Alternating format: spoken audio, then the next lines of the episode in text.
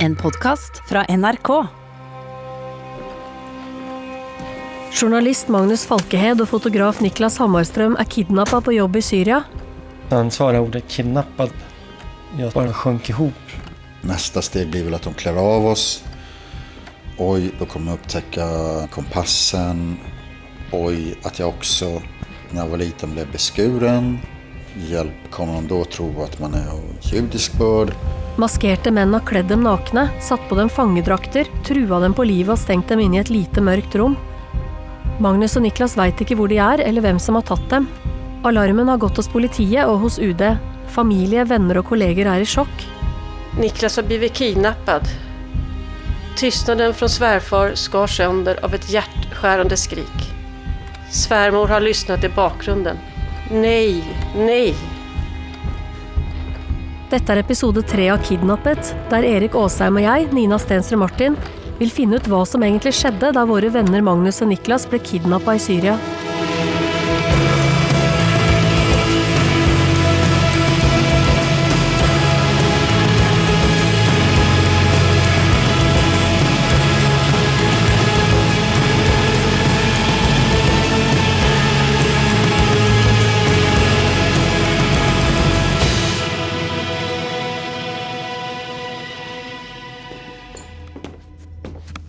Magnus och Niklas har bind för ögonen. De blir ført ut av rummet där de har fått på sig fangedrakter, där det luktar bensin och olja. Och nu hör Niklas att de är inne i ett litet rum med väggar av sten. Eh, Och när vi då kom in i rummet fick vi ta av oss ögonbindlarna.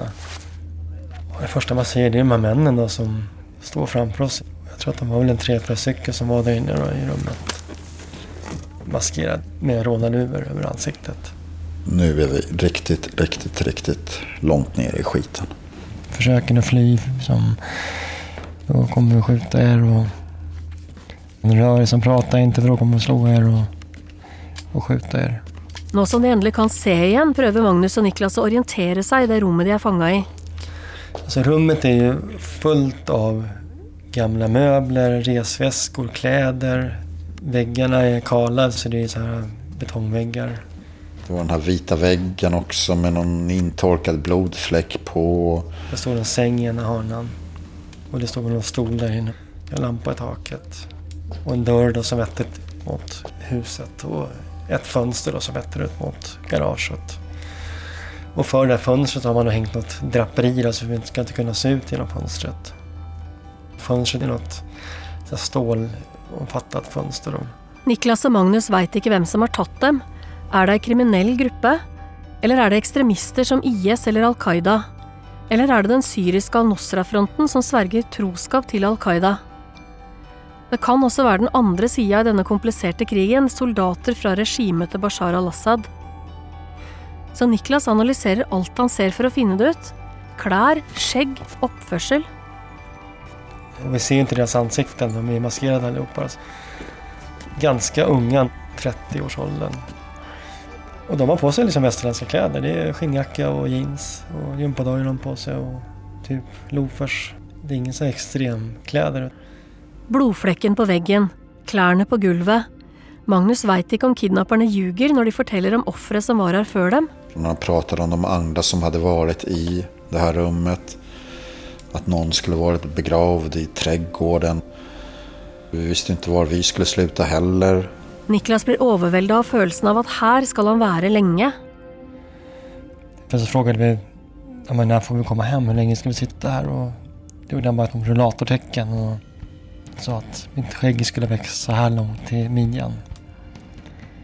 Direkt så såg jag framför mig att ja, när jag kommer hem då är mina föräldrar borta, mina barn är, är väl i min ålder som jag är nu och Anna har träffat någon annan och mitt liv är liksom borta i stort sett.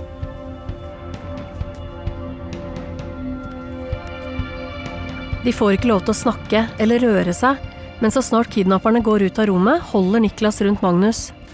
Det första vi gjorde det var att titta varandra i ögonen. Blickarna sa typ att vad, vad är det som har hänt? Och så gav vi varandra en kram.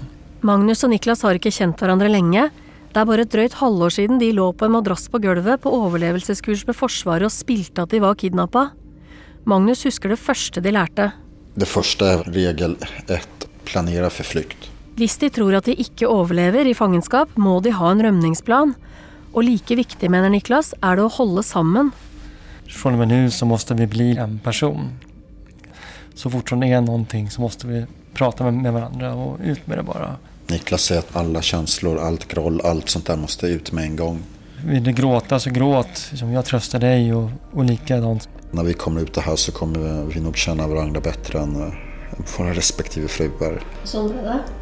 Och så blev det.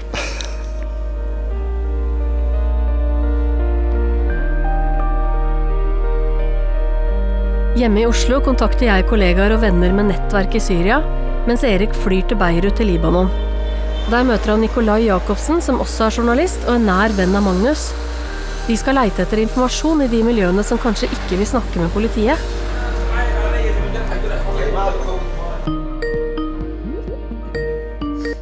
Erik, kan du høre meg, eller? Hei, jeg kan høre deg fra Beirut. Nina. Og Nikolai, er du våken? Ja. Erik og Nikolai tar inn på Mayflower Hotel, der de lager seg en liten operasjonssentral. Nå er Erik tilbake på det samme rommet, og Nikolai er med, på Skype. Kan du huske uroen i kroppen, Nikolai, da, du, da dere kom ned? Vi bara hörde det här ropet på hjälp. Så det bara var helt rätt att åka ner och vara i Beirut.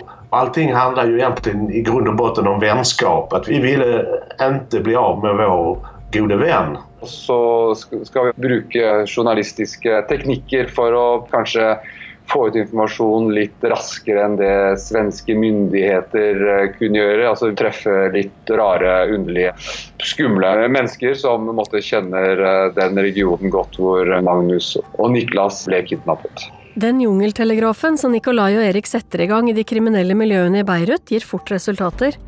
De blir kontakta av en smugler som heter Wael. Han vil gjerne møte dem.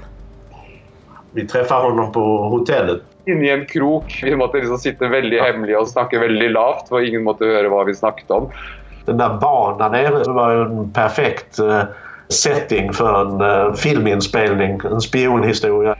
Og så smuglet han varer inn og ut av Syria. Han tok med varer og medisiner fra bistandsorganisasjoner, og så smuglet han eh, andre ting ved siden av det. Og han var veldig ivrig til å hjelpe. altså.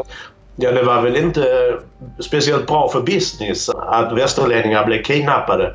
Det blev för mycket intresse, för mycket sökarljus på Beirut och på just den där eh, gränsövergången där våra vänner hade gått över. Så håpet han nok også på litt uh, gjenytelser. Alt dreier seg om du skylder meg en tjeneste hvis jeg hjelper deg. Det er jo sånn businessen er her. Erik og Nikolai snuser rundt i smuglermiljøene i Beirut. That's okay. We can go. It's okay to go in.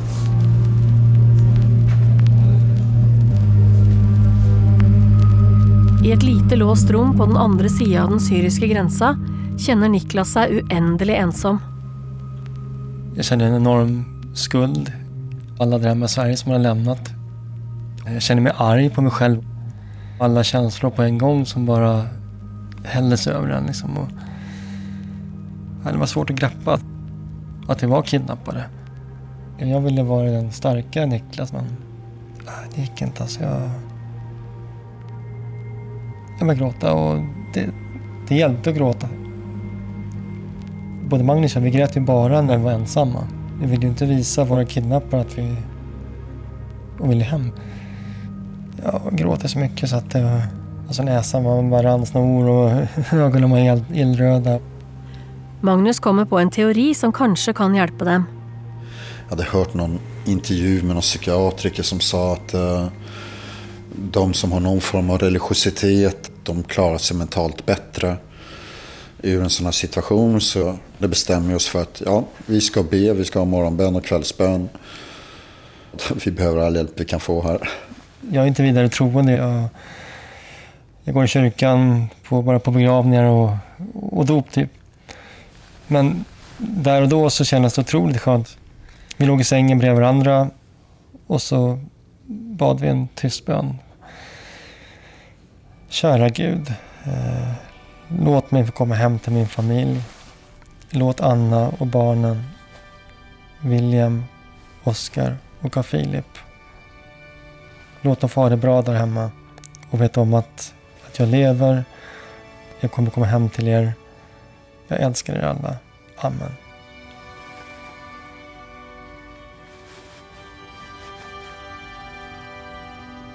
Det känns befriande och skönt.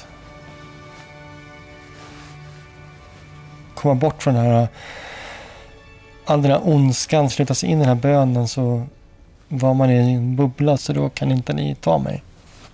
Vi var ju rädda såklart. Men vi hade också från första minuten blev ensamma så planerade vi för att kunna fly.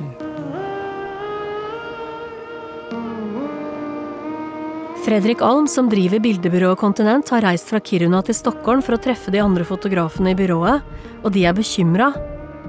Det er over ei uke siden Magnus og Niklas forsvant, så hvorfor gir ikke kidnapperne lyd fra seg?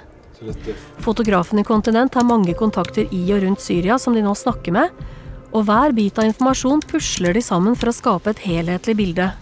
Jag försöker kartlägga vilken typ av stridande parter det finns, var de befinner sig, vilken religionstillhörighet finns det, vem är inne och opererar från det internationella samfundet, vem är det som kontrollerar området? Alla kollegor hjälper till, försöker göra en plan, hur ska man, hur ska man angripa det här? Hur ska vi få hem dem? Kidnappingen har blitt en stor sak i media, så informasjonen renner inn til Fredrik og kollegaene. Han jobber natt og dag for å skille troverdig informasjon fra rykter ville gjetninger, og etter hvert så er det én kilde som skiller seg tydelig ut. Plötsligt så dyker det upp någon som fråga om vi behöver hjälp. Någon som sa att de hade bra kontakter i området och den källan visade sig vara helt ovärderlig hjälp. För det öppnade upp ett helt kontaktnät med människor som faktiskt var på plats. Det var bortom allt man kan önska sig egentligen. En person som ikke bare kjenner folk i det området Niklas og Magnus ble tatt, men som er villig til å skaffe ny informasjon. Kan det virkelig være sant? Fredrik prøver så diskré som mulig å undersøke bakgrunnen til kilden, at han virkelig har de forbindelsene han påstår å ha.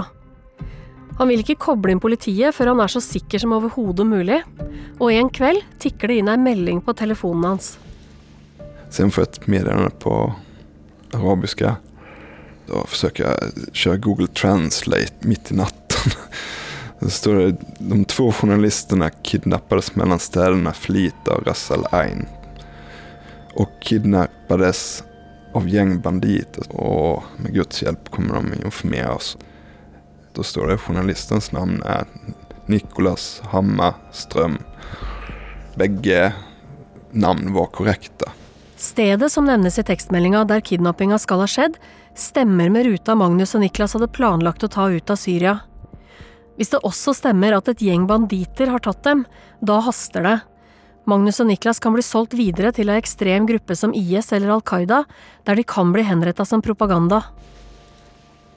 Polisens eh, instruktion var ju att ringa så fort jag hade fått någon slags kontakt eller information. Och Det er natt, men til slutt får Fredrik tak i politiet jag berättade att jag hade fått upp ett spår som visste någonting. Svensk polis är envägskommunikation. Bakvägen så vet jag ju en del de gör som jag får från mina källor.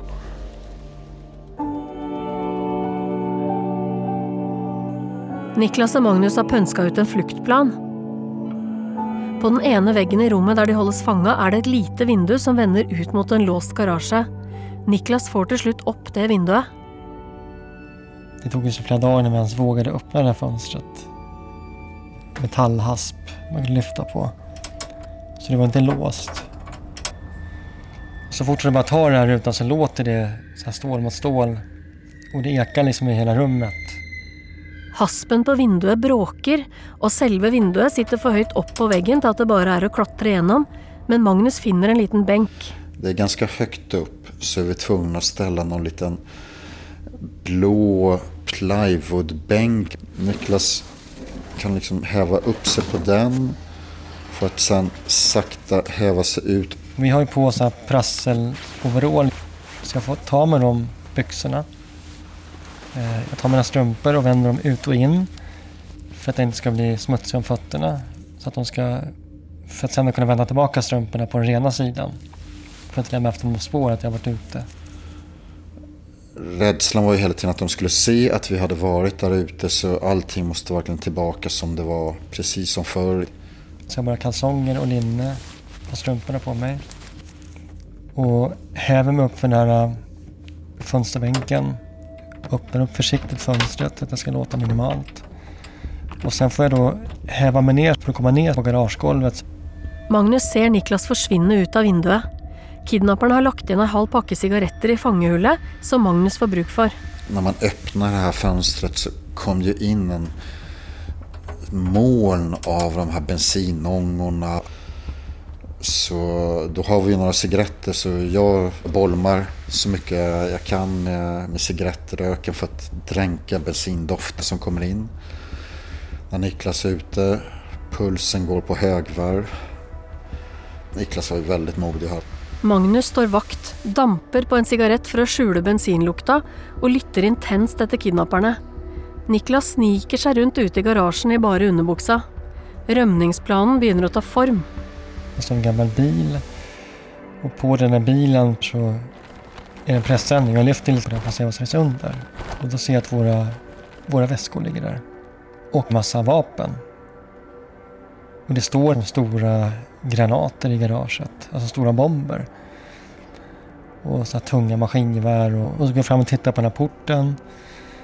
Och ser att det är som en stor tvärslå på den som, man, som är låst. Men den kan man liksom bryta upp. Maskingevär, granater och bomber. Det er som om de er lagra på samme måte som våpnene, som en ressurs som kidnapperne kan komme til å trenge. Men hva skal de brukes til? Nå veit de at de kan komme seg ut av den låste porten i garasjen. Magnus har fremdeles det bitte lille kompasset, og han ser for seg hvordan flukten kan foregå. Vi skulle röra oss på natten. Vi skulle ligga och trycka i noe dike på dagen. Vi skulle inte be om hjälp från någon förrän vi var säkra på att vi var över till Libanon. Vi har ju kompassen, vi vet att vi måste gå tills vi ser bergskammen som går mot Arsal och det här måste ske nattetid när de sover. Så att vi kommer så långt bort som någonsin möjligt för redan första natten. Men sen så går ju allt över ända.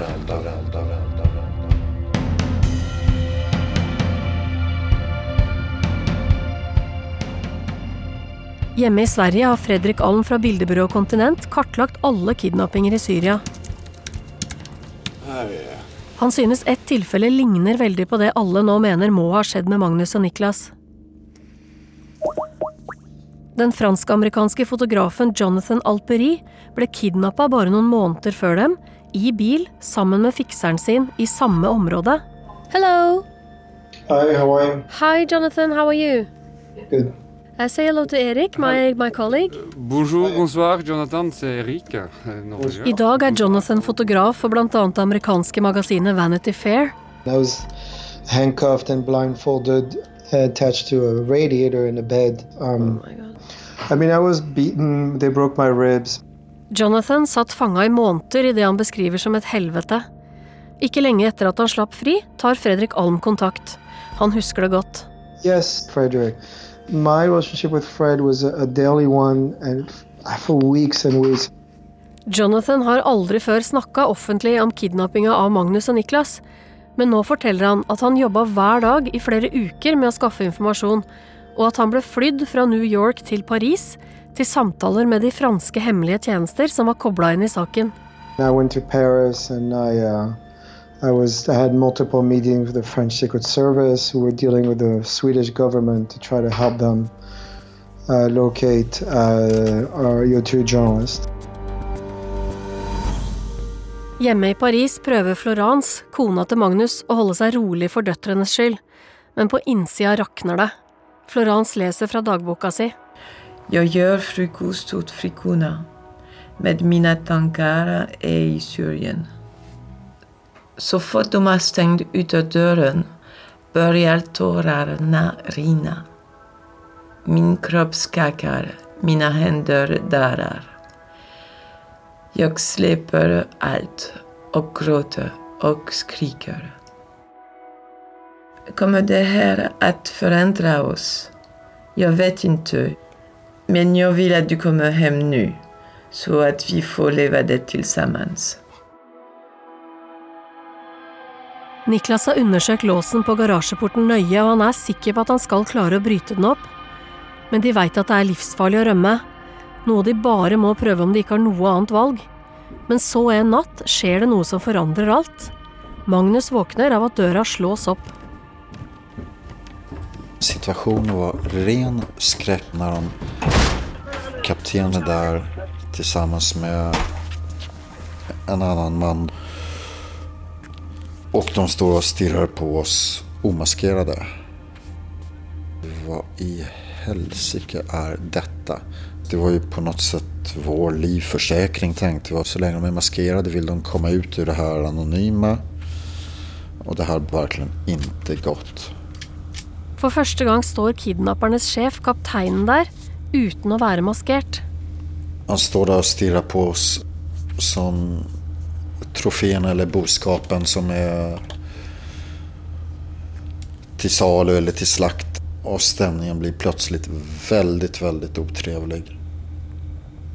Det här känns som en game changer. Dagen efter så tar alla en efter en av sig masken också.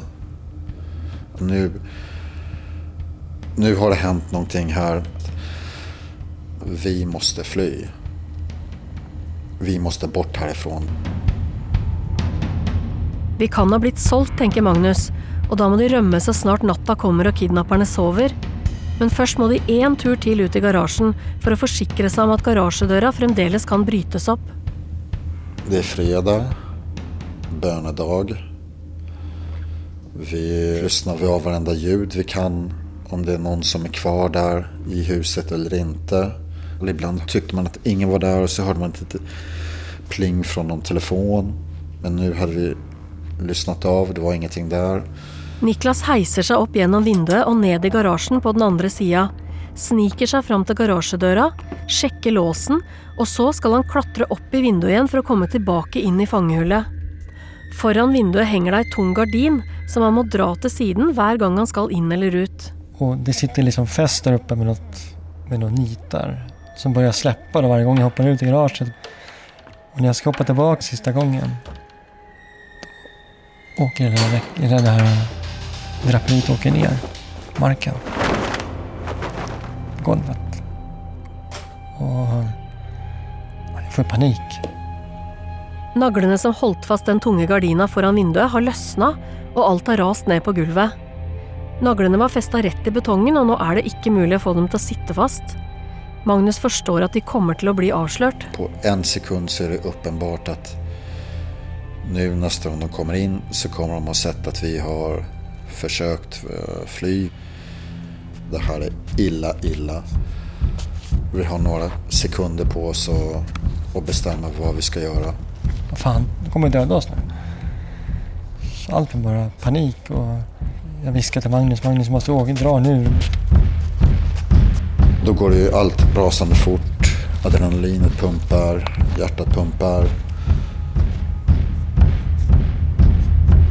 Niklas og Magnus klatrer ut av vinduet i fangehullet og kommer seg inn i den låste garasjen.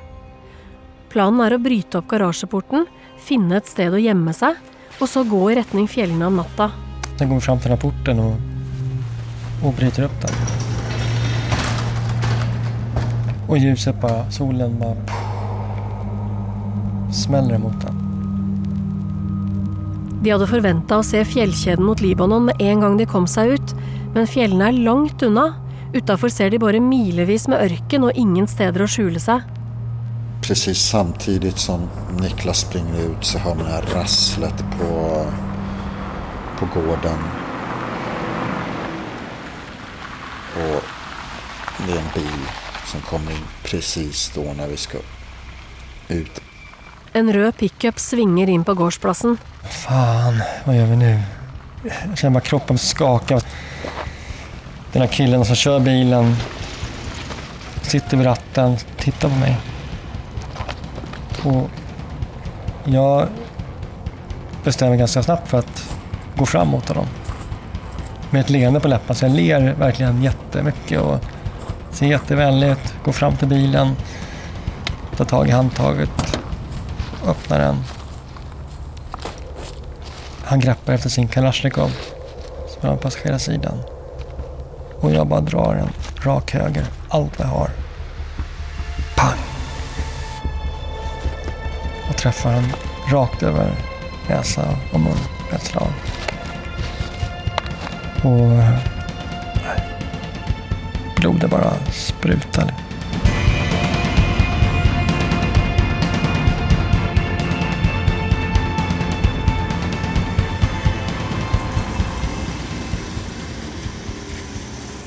I Stockholm kommer politiet hjem till kona till Niklas, Anna. Hon läser från dagboka. Den svarta bilen parkerade framför huset. De presenterade sig som Jesper och Janne. Två medelålders män klädda i jeans och tröja. Berättar Niklas allt för dig? Litar du på honom? undrade poliserna. Ja, självklart gör jag det, svarade jag. Var i Syrien har Niklas och Magnus åkt? Vilka skulle de träffa? Poliserna la en Nokia-telefon på bordet. Du kan ringa till oss med den här dygnet runt, förklarade Jesper. Varje samtal skulle föregås av kodordet kamera. Då skulle jag vara säker att det var någon från Rikskriminalpolisen som ringde. Jesper och Janne berättade hur jag skulle göra om jag blev kontaktad av kidnapparna. Lyssna noga. Ifrågasätt ingenting. Fråga hur Niklas mår. Situationen kändes overklig. Snart är det första advent och jul. Hur ska det gå?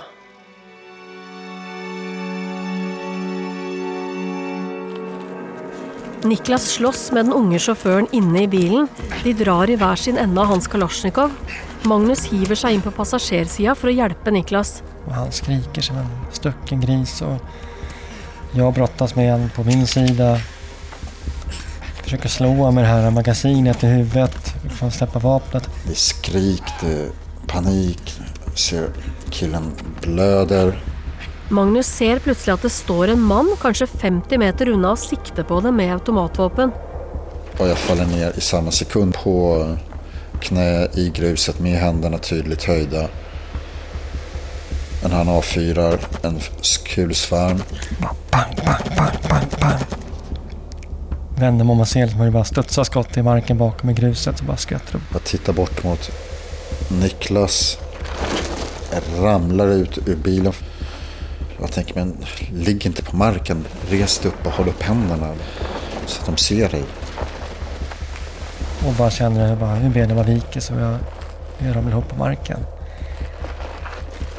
Och kissar på mig.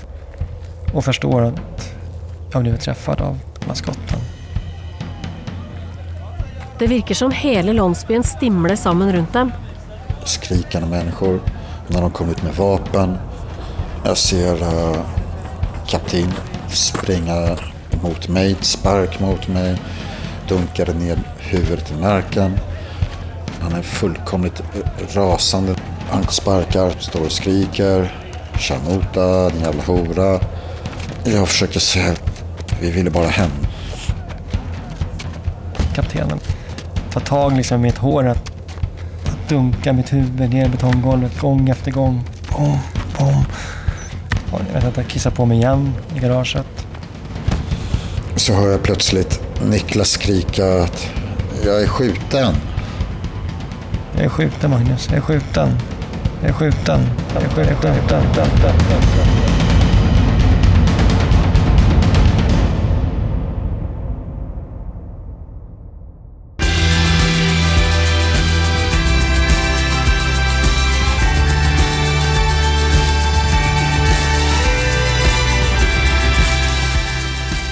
I neste episode flyr Jonathan til Paris for å bli forhørt av DGSE, de franske hemmelige tjenester. They suspected it was the same rebel group. They were showing me pictures of who was the leader. Och Niklas och Magnus straffas. De trycker upp mig mot en vägg, tar fram en tång och framför ögat och tänker nej, inte ögat, det är ögat.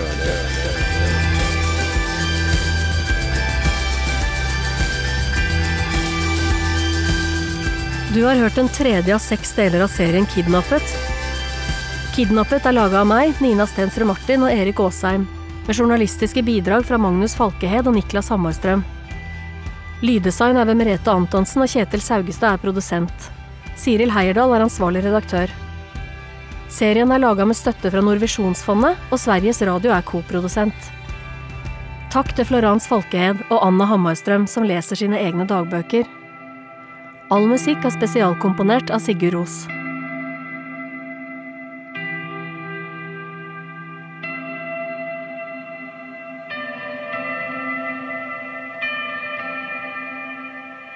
Du har hørt en podkast fra NRK. Hør flere podkaster og din NRK-kanal i appen NRK Radio.